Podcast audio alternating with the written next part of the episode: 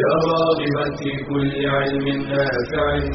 ينمو العلم ويتقدم بتقنياته ومجالاته ومعه نطور أدواتنا في تقديم العلم الشرعي.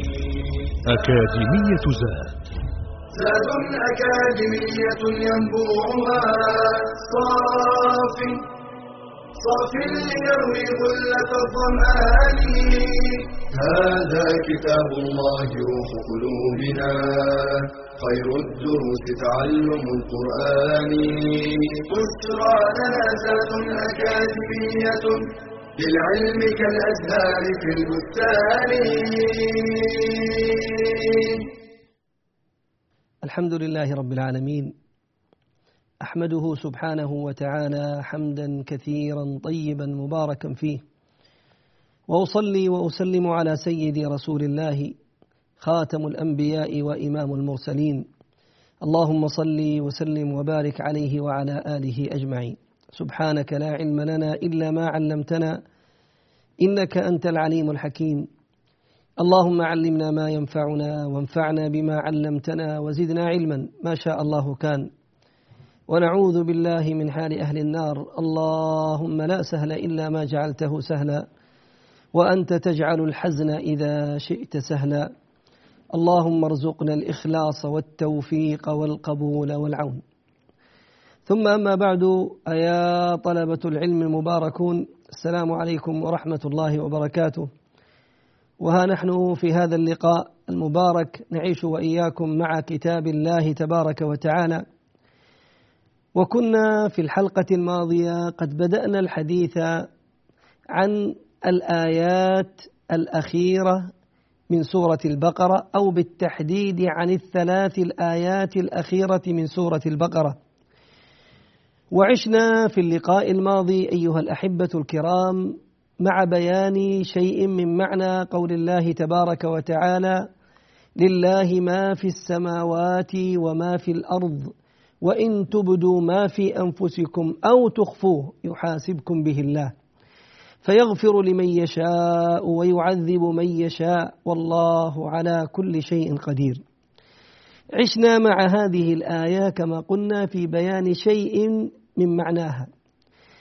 ثم ذكرنا قول من قال من أهل العلم بأن هذه الآية منسوخة. فتحدثنا هناك عن معنى النسخ. وما يتعلق به وكل ذلك بفضل الله تعالى كان ثم وعدناكم أن نتحدث في هذه الآية عن بعض الفوائد المستقاة منها في هذه الحلقة إن شاء الله.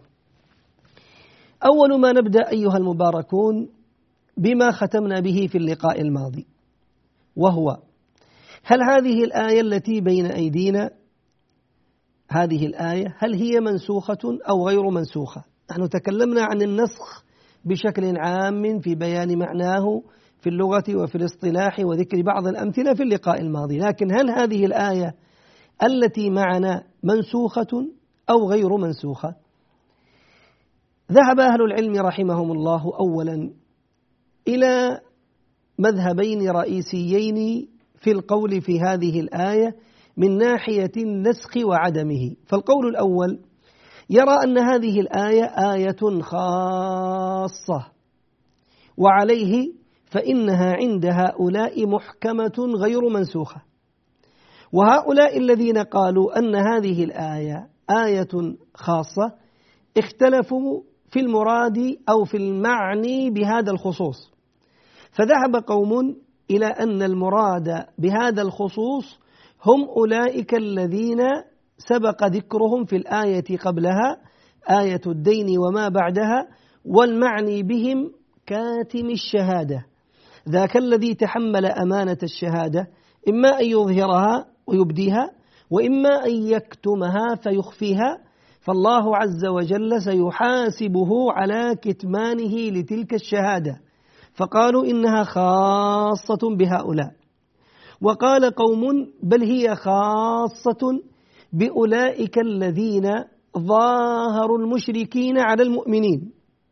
أولئك الذين ظاهروا المشركين على المؤمنين وحصل عندهم شيء من موالاه المشركين التي لم يظهروها لمطمع من مطامع الدنيا فأخفوها. فالله عز وجل سيحاسبهم بما أخفوه في نفوسهم. إذا هؤلاء هم أصحاب المذهب الأول. وهؤلاء جميعا عندهم الآية محكمة. أما أصحاب القول الثاني فهم الذين يقولون أن الآية أن الآية ليست بخاصة وإنما هي عامة أن هذه الآية عامة. وهؤلاء اختلفوا هل هي منسوخة أو غير منسوخة؟ مع اتفاقهم على العموم وهم أكثر العلماء وأكثر أهل التفسير. فذهبت طائفة من السلف رحمهم الله إلى أن هذه الآية مع عمومها ولكنها منسوخة. ولكنها منسوخة. قالوا والدليل على نسخها الحديث الذي في الصحيح أن الصحابة رضي الله عنهم وأرضاهم لما نزلت هذه الآية جاءوا إلى النبي صلى الله عليه وسلم حديث أبي هريرة في الصحيح وفي غيره فبركوا على ركبهم قالوا يا رسول الله حملنا ما نطيق من الصلاة والصيام والحج والجهاد والصدقة ولكن الآن هنا الله عز وجل يحملنا ما لا نطيق وهو أنه سبحانه وتعالى سيحاسبهم بما يخفوه في قلوبهم. فقال لهم عليه الصلاة والسلام وجههم أرشدهم لا تكونوا كبني إسرائيل. قالوا سمعنا وعصينا ولكن قولوا سمعنا وأطعنا غفرانك ربنا وإليك المصير. فأنزل الله عز وجل الآيات أو الآيتين عقب هذه الآية وفيها قوله تعالى لا يكلف الله نفسا إلا وسعها. لها لا يكلف الله نفسا إلا وسعها لها ما كسبت وعليها ما اكتسبت. ربنا لا تؤاخذنا إن نسينا أو أخطأنا. قال الله قد فعلت. وفي رواية نعم ربنا ولا تحمل علينا إصرا كما حملته على الذين من قبلنا. قال الله قد فعلت. وفي رواية نعم إلى آخر هذه الآية قالوا فهذا دليل نسخها. وورد القول بالنسخ عن عبد الله بن عمر وعبد الله بن مسعود وعبد الله بن عباس في رواية وعن عائشة رضي الله عنها وعن سائر أصحاب النبي صلى الله عليه وسلم أجمعين. فقالوا إن هذه الآية منسوخ. حكمها وأن الله تبارك وتعالى لا يؤاخذ العبد بما كان في نفسه. وذهبت طائفة أخرى من القائلين بعموم هذه الآية إلى أنها آية محكمة غير منسوخة. وهذا قول الأكثر من أهل العلم وهو اختيار إمام المفسرين ابن جرير الطبري رحمه الله وهو كذلك قول القرطبي وقول غيرهما من أهل العلم على الجميع رحمة الله تعالى. قالوا أنها محكمة. لماذا محكمة؟ قالوا لأن هذه الآية خبر. خبر. والخبر لا يعتريه النسخ. الخبر لا يعتريه النسخ. إنما يأتي النسخ على الأوامر والنواهي. وهذه خبر فلا يقع عليها النسخ. ثم ذكروا مبرراتهم في هذا الأمر كما سنذكر إن شاء الله عز وجل وقالوا ليست ليست بمنسوخة بل هي محكمة. والله عز وجل يحاسب العبد على بعض ما في قلبه من الأمور التي لم يظهرها بل أخفاها. وسنبين هذا بمشيئة الله تبارك وتعالى. وهذا القول أعني القول بأنها غير منسوخة بل هي محكمة هو قول إمام المفسرين والذي وهذا هو الأظهر والله أعلم وهو اختيار شيخنا عبد الله بن محمد الأمين الشنقيطي الذي تكلمنا عن كتابه آيات النسخ في القرآن في اللقاء الماضي فليراجع ذلك في مظانه لمن أراد الاستفادة. أسأل الله لي ولكم التوفيق والفلاح وللحديث بقية إن شاء الله بعد الفاصل حول فوائد هذه الآيات. بشرى أكاديمية للعلم كالأزهار في البستان.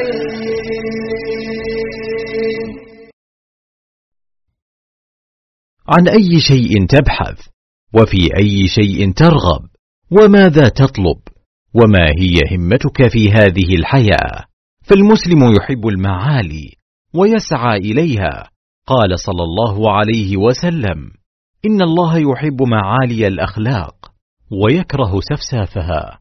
واعلم أن طلب العلم لا ينتهي بل هو مستمر إلى آخر العمر.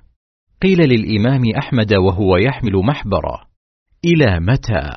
فقال مع المحبرة إلى المقبرة ولا يعوق كبر السن عن طلب العلم إذا توافرت الهمة فلا أن تموت طالبا للعلم. خير من أن تموت قانعا بالجهل. وذو الهمة في الطلب. يهتم بجمع الفوائد وقراءة المطولات. قال أبو عبيد. ربما كنت أستفيد الفائدة من أفواه الرجال. فأضعها في الكتاب. فأبيت ساهرا فرحا بتلك الفائدة. وقال الخطيب البغدادي. قرأت على إسماعيل بن أحمد. صحيح البخاري جميعه في ثلاثة مجالس. ومن المهم المداومة على طلب العلم فالقليل مع المداومة خير من الكثير مع الانقطاع. قال عكرمة طلبت العلم أربعين سنة وقال أبو العباس النحوي ما فقدت إبراهيم الحربي من مجلس لغة من خمسين سنة. فاطرح عنك الكسل واحرص على دراسة العلم وإحسان العمل قال تعالى والذين جاهدوا فينا لنهدينهم سبلنا وإن الله لمع المحسنين.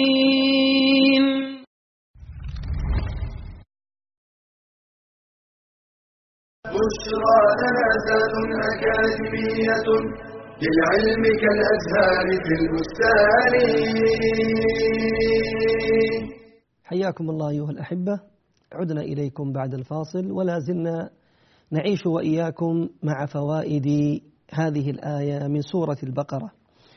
هذه الآية المباركة من سورة البقرة من فوائدها عموم ملك الله تبارك وتعالى لكل شيء. إذ قال الله عز وجل لله ما في السماوات وما في الأرض. وليس معلوما لنا سوى السماوات والأرض ويدخل في السماوات يدخل في السماوات الكرسي والعرش والملائكة وأرواح بني آدم التي تكون في السماء كأرواح المؤمنين. وغير ذلك مما جعله الله تبارك وتعالى في هذه السماء. والأرض كذلك وما فيها وما فيها وما بين السماء والأرض من الأملاك والأفلاك والنجوم فكل ذلك في ملك الله تبارك وعز وجل. دل عليه دلالة واضحة قوله تعالى لله ما في السماوات وما في الأرض. ومن فوائد هذه الآية أن الله عز وجل هو القائم على هذه السماوات وهذه الأرض يدبرها سبحانه وتبارك وتعالى كيفما شاء. لأنه عز وجل هو مالكها. فما دام أنه تبارك وتعالى هو المالك لها فهو عز وجل المدبر لذلك. ومن فوائد هذه الآية أن الله عز وجل لا شريك له. الله تبارك وتعالى لا شريك له. يستفاد ذلك من الحصر. يستفاد ذلك من الحصر الذي ذكره أو ابتدأ الله تبارك وتعالى به في هذه الآية لما قدم عز وجل الخبر. فقال تعالى لله ما في السماوات وما في الأرض وحقه التأخير فقدمه الله تبارك وتعالى ففاد ذلك الحصر. والحصر إثبات الحكم في المذكور ونفيه عما سواه. الله تبارك وتعالى هو الواحد الذي لا شريك له. لا شريك له. الله عز وجل الذي أمرنا بتوحيده نهانا سبحانه وتبارك وتعالى عن ضده. أمران لا يمكن أن يجتمعان في قلب عبد مؤمن. توحيد الله تبارك وتعالى والشرك. توحيد الله الذي هو إفراده سبحانه وتبارك وتعالى في ألوهيته. وربوبيته وأسمائه وصفاته. الشرك الذي هو أن تجعل مع الله عز وجل له شريكا في ألوهيته أو في ربوبيته أو في أسمائه وصفاته. فإذا توجه المخلوق إذا توجه المخلوق المكلف من الجن أو الإنس إذا توجه بأي نوع من أنواع العبادة لغير الله فدعا غير الله. أو ذبح لغير الله أو نذر لغير الله فإنه بذلك قد وقع في شرك الألوهية شرك في توحيد الألوهية. ثم إذا هو اعتقد أن غير الله عز وجل يضره أو ينفعه أو يخلقه فإنه عياذا بالله قد وقع في شرك الربوبية. ثم متى ما اعتقد لغير الله عز وجل صفة لا تكون إلا لله تبارك وتعالى كأن يصرف أو يعتقد أن هذا المخلوق له سمع يحيط بجميع المسموعات أو له بصر يحيط بجميع المبصرات فإنه بذلك يكون قد أشرك في توحيد الأسماء والصفات. فالمؤمن الموحد مطلوب منه أن يصرف كل عبادته لله عز وجل وأن يكون موحدا له في ربوبيته وفي أسمائه وصفاته. متى خالف في ذلك؟ وقع عياذا بالله في الشرك. الذي هو نسأل الله تعالى الديوان الذي لا يغفره الله تبارك وتعالى. فدواوين العبد يوم القيامة كما جاء في الحديث بين يدي الله ثلاثة دواوين. ديوان لا يغفره الله تبارك وتعالى أبدا وهو الشرك. ظلم العبد بشركه لله تبارك وتعالى أن يعبد مع الله أو غير الله عز وجل إلها بأي ما ذكرنا قبل قليل. فهذا النوع من الشرك هو الذي قال الله تبارك وتعالى فيه إن الله لا يغفر أن يشرك به. ويغفر ما دون ذلك من الذنوب طبعا يغفر ما دون ذلك لمن يشاء. وديوان ديوان. لا يبالي الله تبارك وتعالى به. لا يبالي الله تبارك وتعالى به.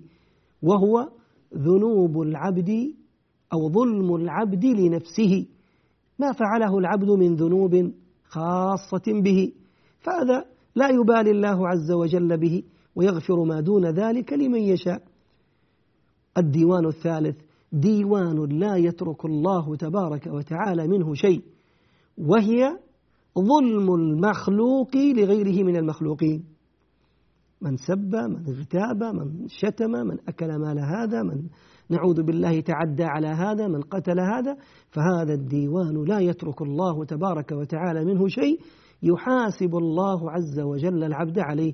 أسأل الله أن يغفر لنا ولكم وأن يعفو عنا وعنكم. أيضا مما يستفاد من هذه الآية المباركة وجوب إفراد الله تبارك وتعالى بالألوهية لأن الإقرار بالربوبية لاحظ لله ما في السماوات وما في الأرض أنت إذا أقريت بهذا أنت مقر بربوبية الله عز وجل. فإذا أقررت بالربوبية فإن إقرارك بالربوبية يستلزم منك أن تقر بألوهية الله تبارك وعز وجل. الله عز وجل يقول يا أيها الناس اعبدوا ربكم الذي خلقكم. اعبدوا ربكم اعبدوا والعبادة هنا هي تحقيق توحيد الألوهية. الذي خلقكم فما دام أنه سبحانه وتبارك وتقدس هو الذي خلقنا إذا هو وحده سبحانه وعز وجل الذي يستحق أن يعبد لا شريك له. ومن فوائد هذه الآية إثبات صفات الكمال لله عز وجل. لأننا إذا تأملنا في ملك الله تبارك وتعالى الواسع العظيم وأنه عز وجل هو الذي يدبر هذا الملك العظيم بنظام تام كامل علمنا علم يقين بأن هذا الذي يدبر كامل الصفات.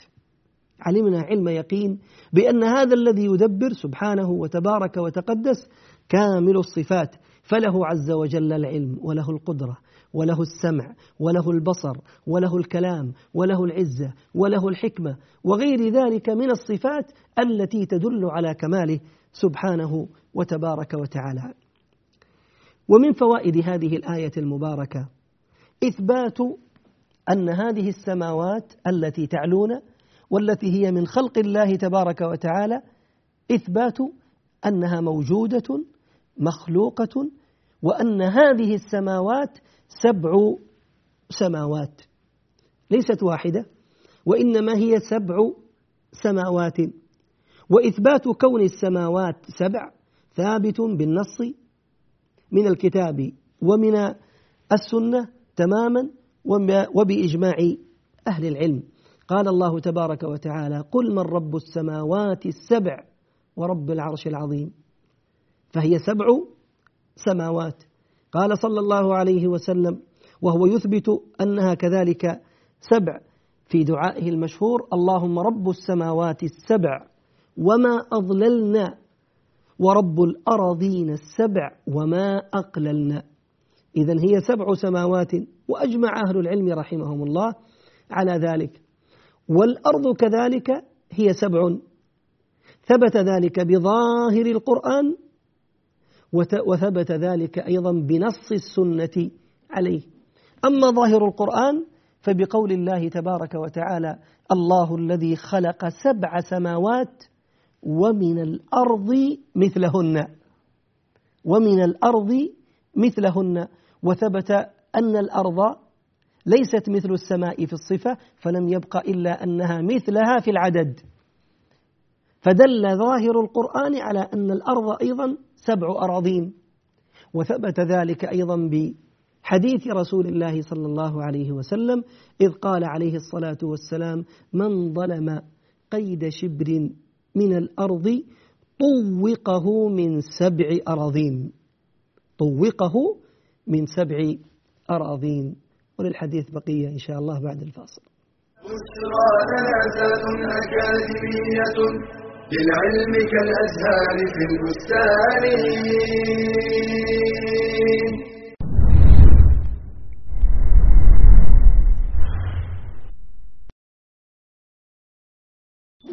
جهل وظلم فرقة وقطيعة شرك وضلال.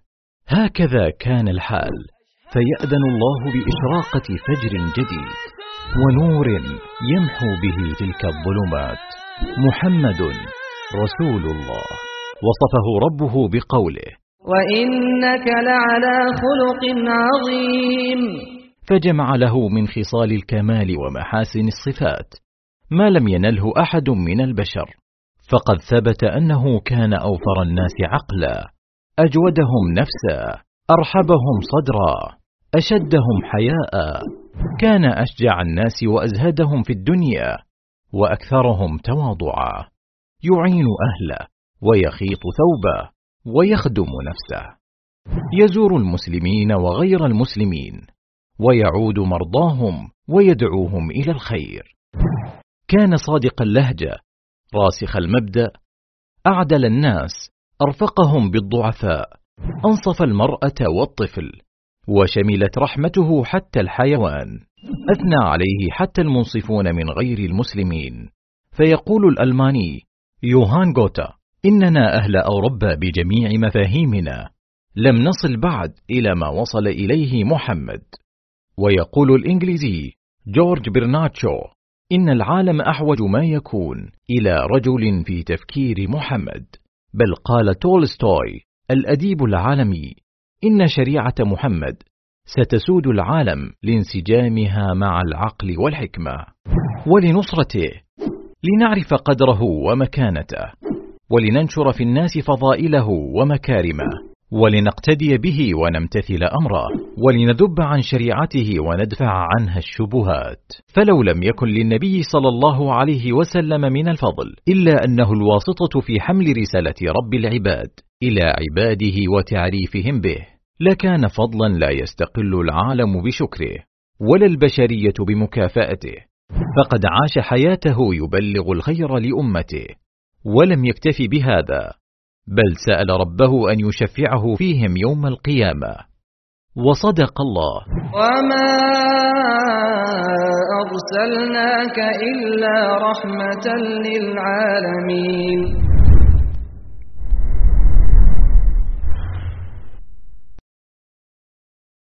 بشرى أكاديمية للعلم كالأزهار في البستان. حياكم الله أيها الكرام. عدنا إليكم بعد الفاصل. ولا زلنا وإياكم نعيش مع فوائد هذه الآية من سورة البقرة. من فوائد هذه الآية التي نعيش معها أن الله تبارك وتعالى يحاسب العبد على ما في نفسه. وآمل من الإخوة الكرام والأخوات الكريمات أن يرعيني سمعهن وأن ينصتن لهذا الكلام الذي سأقوله الآن. هذه الآية تثبت أن الله تبارك وعز وجل يحاسب العبد على ما في نفسه. وظاهر الآية لما قال تبارك وتعالى وإن تبدوا ما في أنفسكم أو تخفوه هذا الظاهر هذا الظاهر ظاهره العموم. أن كل شيء يخفيه العبد في نفسه يحاسبه الله تبارك وتعالى به. ولكن جاءت النصوص تبين أن هذا العموم ليس بمقصود. جاءت النصوص الشرعية تبين أن هذا العموم في محاسبة الله عز وجل لما أخفاه العبد في قلبه ليس مقصودا. كيف ذلك؟ يظهر من خلال النصوص الشرعية أن ما يخفيه العبد على أقسام. القسم الأول منها هي تلك الوساوس التي يقذفها العبد في قلب المؤمن. وفي قلب المؤمنة عبد صالح عبد صالح أمة صالحة. قد علم الله عز وجل منهما الإقبال عليه والإخبات إليه. يسارعون في أنواع الخيرات. يرى الشيطان ذلك. حاول الشيطان قطع الطريق فيما بينهم وبين الله عز وجل فما استطاع. حاول منعهم من الصلاة من الصيام من الزكاة ما استطاع. فماذا يفعل عدو الله؟ يلجأ إلى هذه الوسوسة. يلجأ إلى أن يقذف في قلب العبد أحيانا شيئا من الأمور التي يشعر بها والتي ربما ربما عياذا بالله تكون تكون عن تفكر ليس بصحيح وليس بسليم في ذات الله تبارك وتعالى. فربما جاء للإنسان فقال له من خلقك؟ فيقول الله. ثم يقول له فمن خلق الله؟ أعوذ بالله. أو قس على هذا من أنواع الوساوس التي ربما يأتي بها عدو الله إبليس فيقذفها في قلب المؤمن. هذه الوساوس متى ما انتبه المؤمن وتركها وعمل بالمنهج الشرعي الذي حث عليه صلى الله عليه وسلم فإنه في حفظ الله وفي رعايته ولا أثر لهذه الوساوس مطلقا. جاء الصحابة رضوان الله عليهم إلى النبي صلى الله عليه وسلم فقالوا يا رسول الله إن أحدنا ليجد في نفسه ما أن يكون حمما يحرق حتى يصبح رماد خير من أن يتحدث به. مثل هذه الوساوس التي ذكرنا وقريبا منها. فقال عليه الصلاة والسلام أو قد وجدتموه وجدتم مثل هذه الوساوس ومثل هذه الخواطر الشيطانية؟ قالوا نعم. قال صلى الله عليه وسلم ذلك صريح الإيمان. أي أن هذه علامة إيمان عند المؤمن. ذلك صريح الإيمان. وفي رواية قال صلى الله عليه وسلم الحمد لله الذي رد كيده للوسوسة. ثم علمهم عليه الصلاة والسلام ما يفعلون وأن يقولوا عند مثل هذه الخواطر بعد استعاذتهم بالله من الشيطان الرجيم أن يقول العبد آمنت بالله. أو كما قال صلى الله عليه وآله وصحبه وسلم فقطع هذه الوساوس فورا وعدم التمادي معها مما يعود يعين بإذن الله عز وجل على سلامة إيمان العبد وهذه لا يؤاخذ الله تبارك وتعالى العبد عليها بل هي صريح الإيمان كما أخبر عليه الصلاة والسلام. أما القسم الثاني مما يخفيه العبد فهو ما يحصل أحيانا من هم يقع في قلب العبد إلى معصية من المعاصي. يهم العبد أحيانا أن يعمل معصية من المعاصي كبيرة أو صغيرة. هذا الهم الذي يكون من عبد الله أو من أمة الله هو على حالين. إما إما أن يكون هذا الهم من العبد متروكا غير معمول به وإما أن يتعدى إلى مرحلة العمل. فإن تعدى إلى مرحلة العمل فإن الله عز وجل سيؤاخذه بعمله. وإما أن لا يعمل فإذا لم يعمل فإما أن يكون هذا العبد سبب عدم عمله هو أنه تركه من أجل الله. ترك هذه المعصية من أجل الله تبارك وتعالى. تذكر عظمة الله وخاف من الله عز وجل وعلم أن ما عند الله عز وجل خير وأبقى. فقد ثبت في الصحيح في صحيح البخاري وفي غيره أن هذا العبد الذي هم بسيئة ثم تركها يعني من أجل الله عز وجل كتبت له حسنة. كتبت له حسنة. كتبت له حسنة. فإن تركها ليس من أجل الله. تركها ولكن ليس من أجل الله فلا شيء عليه. لا هو ممن تكتب عليه السيئات ولا هو ممن تكتب عليه الحسنات. لماذا؟ لأنه مجرد هم. لم يرتقي إلى الدرجة التي هي أعلى منها وهي درجة العزم والأخذ بالأسباب الموصلة إلى فعل هذا المنكر وإلى هذا الحرام وهو القسم الثالث. القسم الثالث هو ذاك العبد الذي هم بمنكر هم بمعصية من المعاصي ثم هو هيأ الأسباب الموصلة إلى تلك المعصية. فكان عازما على الفعل ودليل عزمه على الفعل لاحظ دليل عزمه على الفعل هو عمله للأسباب الموصلة إلى ذلك الفعل. كونه تمادى واستمر وعمل هذه الأسباب دليل على أنه مريد حقا للوقوع في هذه المعصية. فهذا وإن لم يفعل فهو مؤاخذ شرعا بنيته وبما أخفاه في قلبه. هو مؤاخذ شرعا بما وقع في قلبه. ودل على ذلك ما ورد في الحديث الصحيح من إخباره عليه الصلاة والسلام عن ذلك العبد الذي رأى شخصا يفعل منكرا فتمنى لاحظ. أن يكون مثله وأن لديه من المال ما عند ذاك صاحب المنكر ليفعل كفعله قال النبي فهما في الوزر سواء هما في الإثم سواء. وقوله عليه الصلاة والسلام كما في الصحيح إذا التقى المسلمان بسيفيهما فالقاتل والمقتول في النار. القاتل والمقتول في النار. طيب المقتول عرفنا. عفوا القاتل عرفنا لكن المقتول لماذا هو في النار؟ قال صلى الله عليه وسلم لأنه كان أحرص على قتل صاحبه كان حريصا. على قتل أخاه المؤمن. فبذلك الحرص الذي مثل في عمل الأسباب والمسايفة مع أخيه استحق أن يكون أو أن يؤاخذ بذنبه وأن يكون عياذا بالله من أهل النار. إذا بهذا التقسيم الذي ذكرناه يظهر بجلاء أن ما يخفيه العبد كما قلنا ليس على حالة واحدة في مؤاخذة الله تبارك وتعالى للعبد. ومحاسبته جل وعلا له وإنزال العقوبة به. ليسوا سواء؟ فالأول ذاك الذي مرت به تلك الوساوس الشيطانية لكمال إيمانه فتخطاها وتعداها وتركها فورا وبذل الأسباب لطردها فهذا مأجور وذاك صاحب إيمان بل هو صريح الإيمان كما أخبر عليه الصلاة والسلام. والثاني الثاني منهما ذاك الذي هم بالمعصية وتركها لوجه الله تبارك وتعالى فهو مأجور مكتوب له حسنة.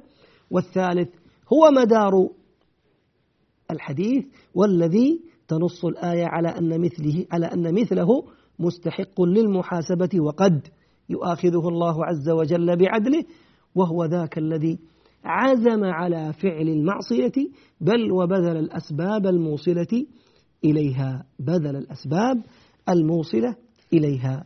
أسأل الله تبارك وتعالى بأسمائه الحسنى وصفاته العلى أن يتقبل منا ومنكم. هذا ما يسر الله عز وجل ذكره وتيسر إعداده.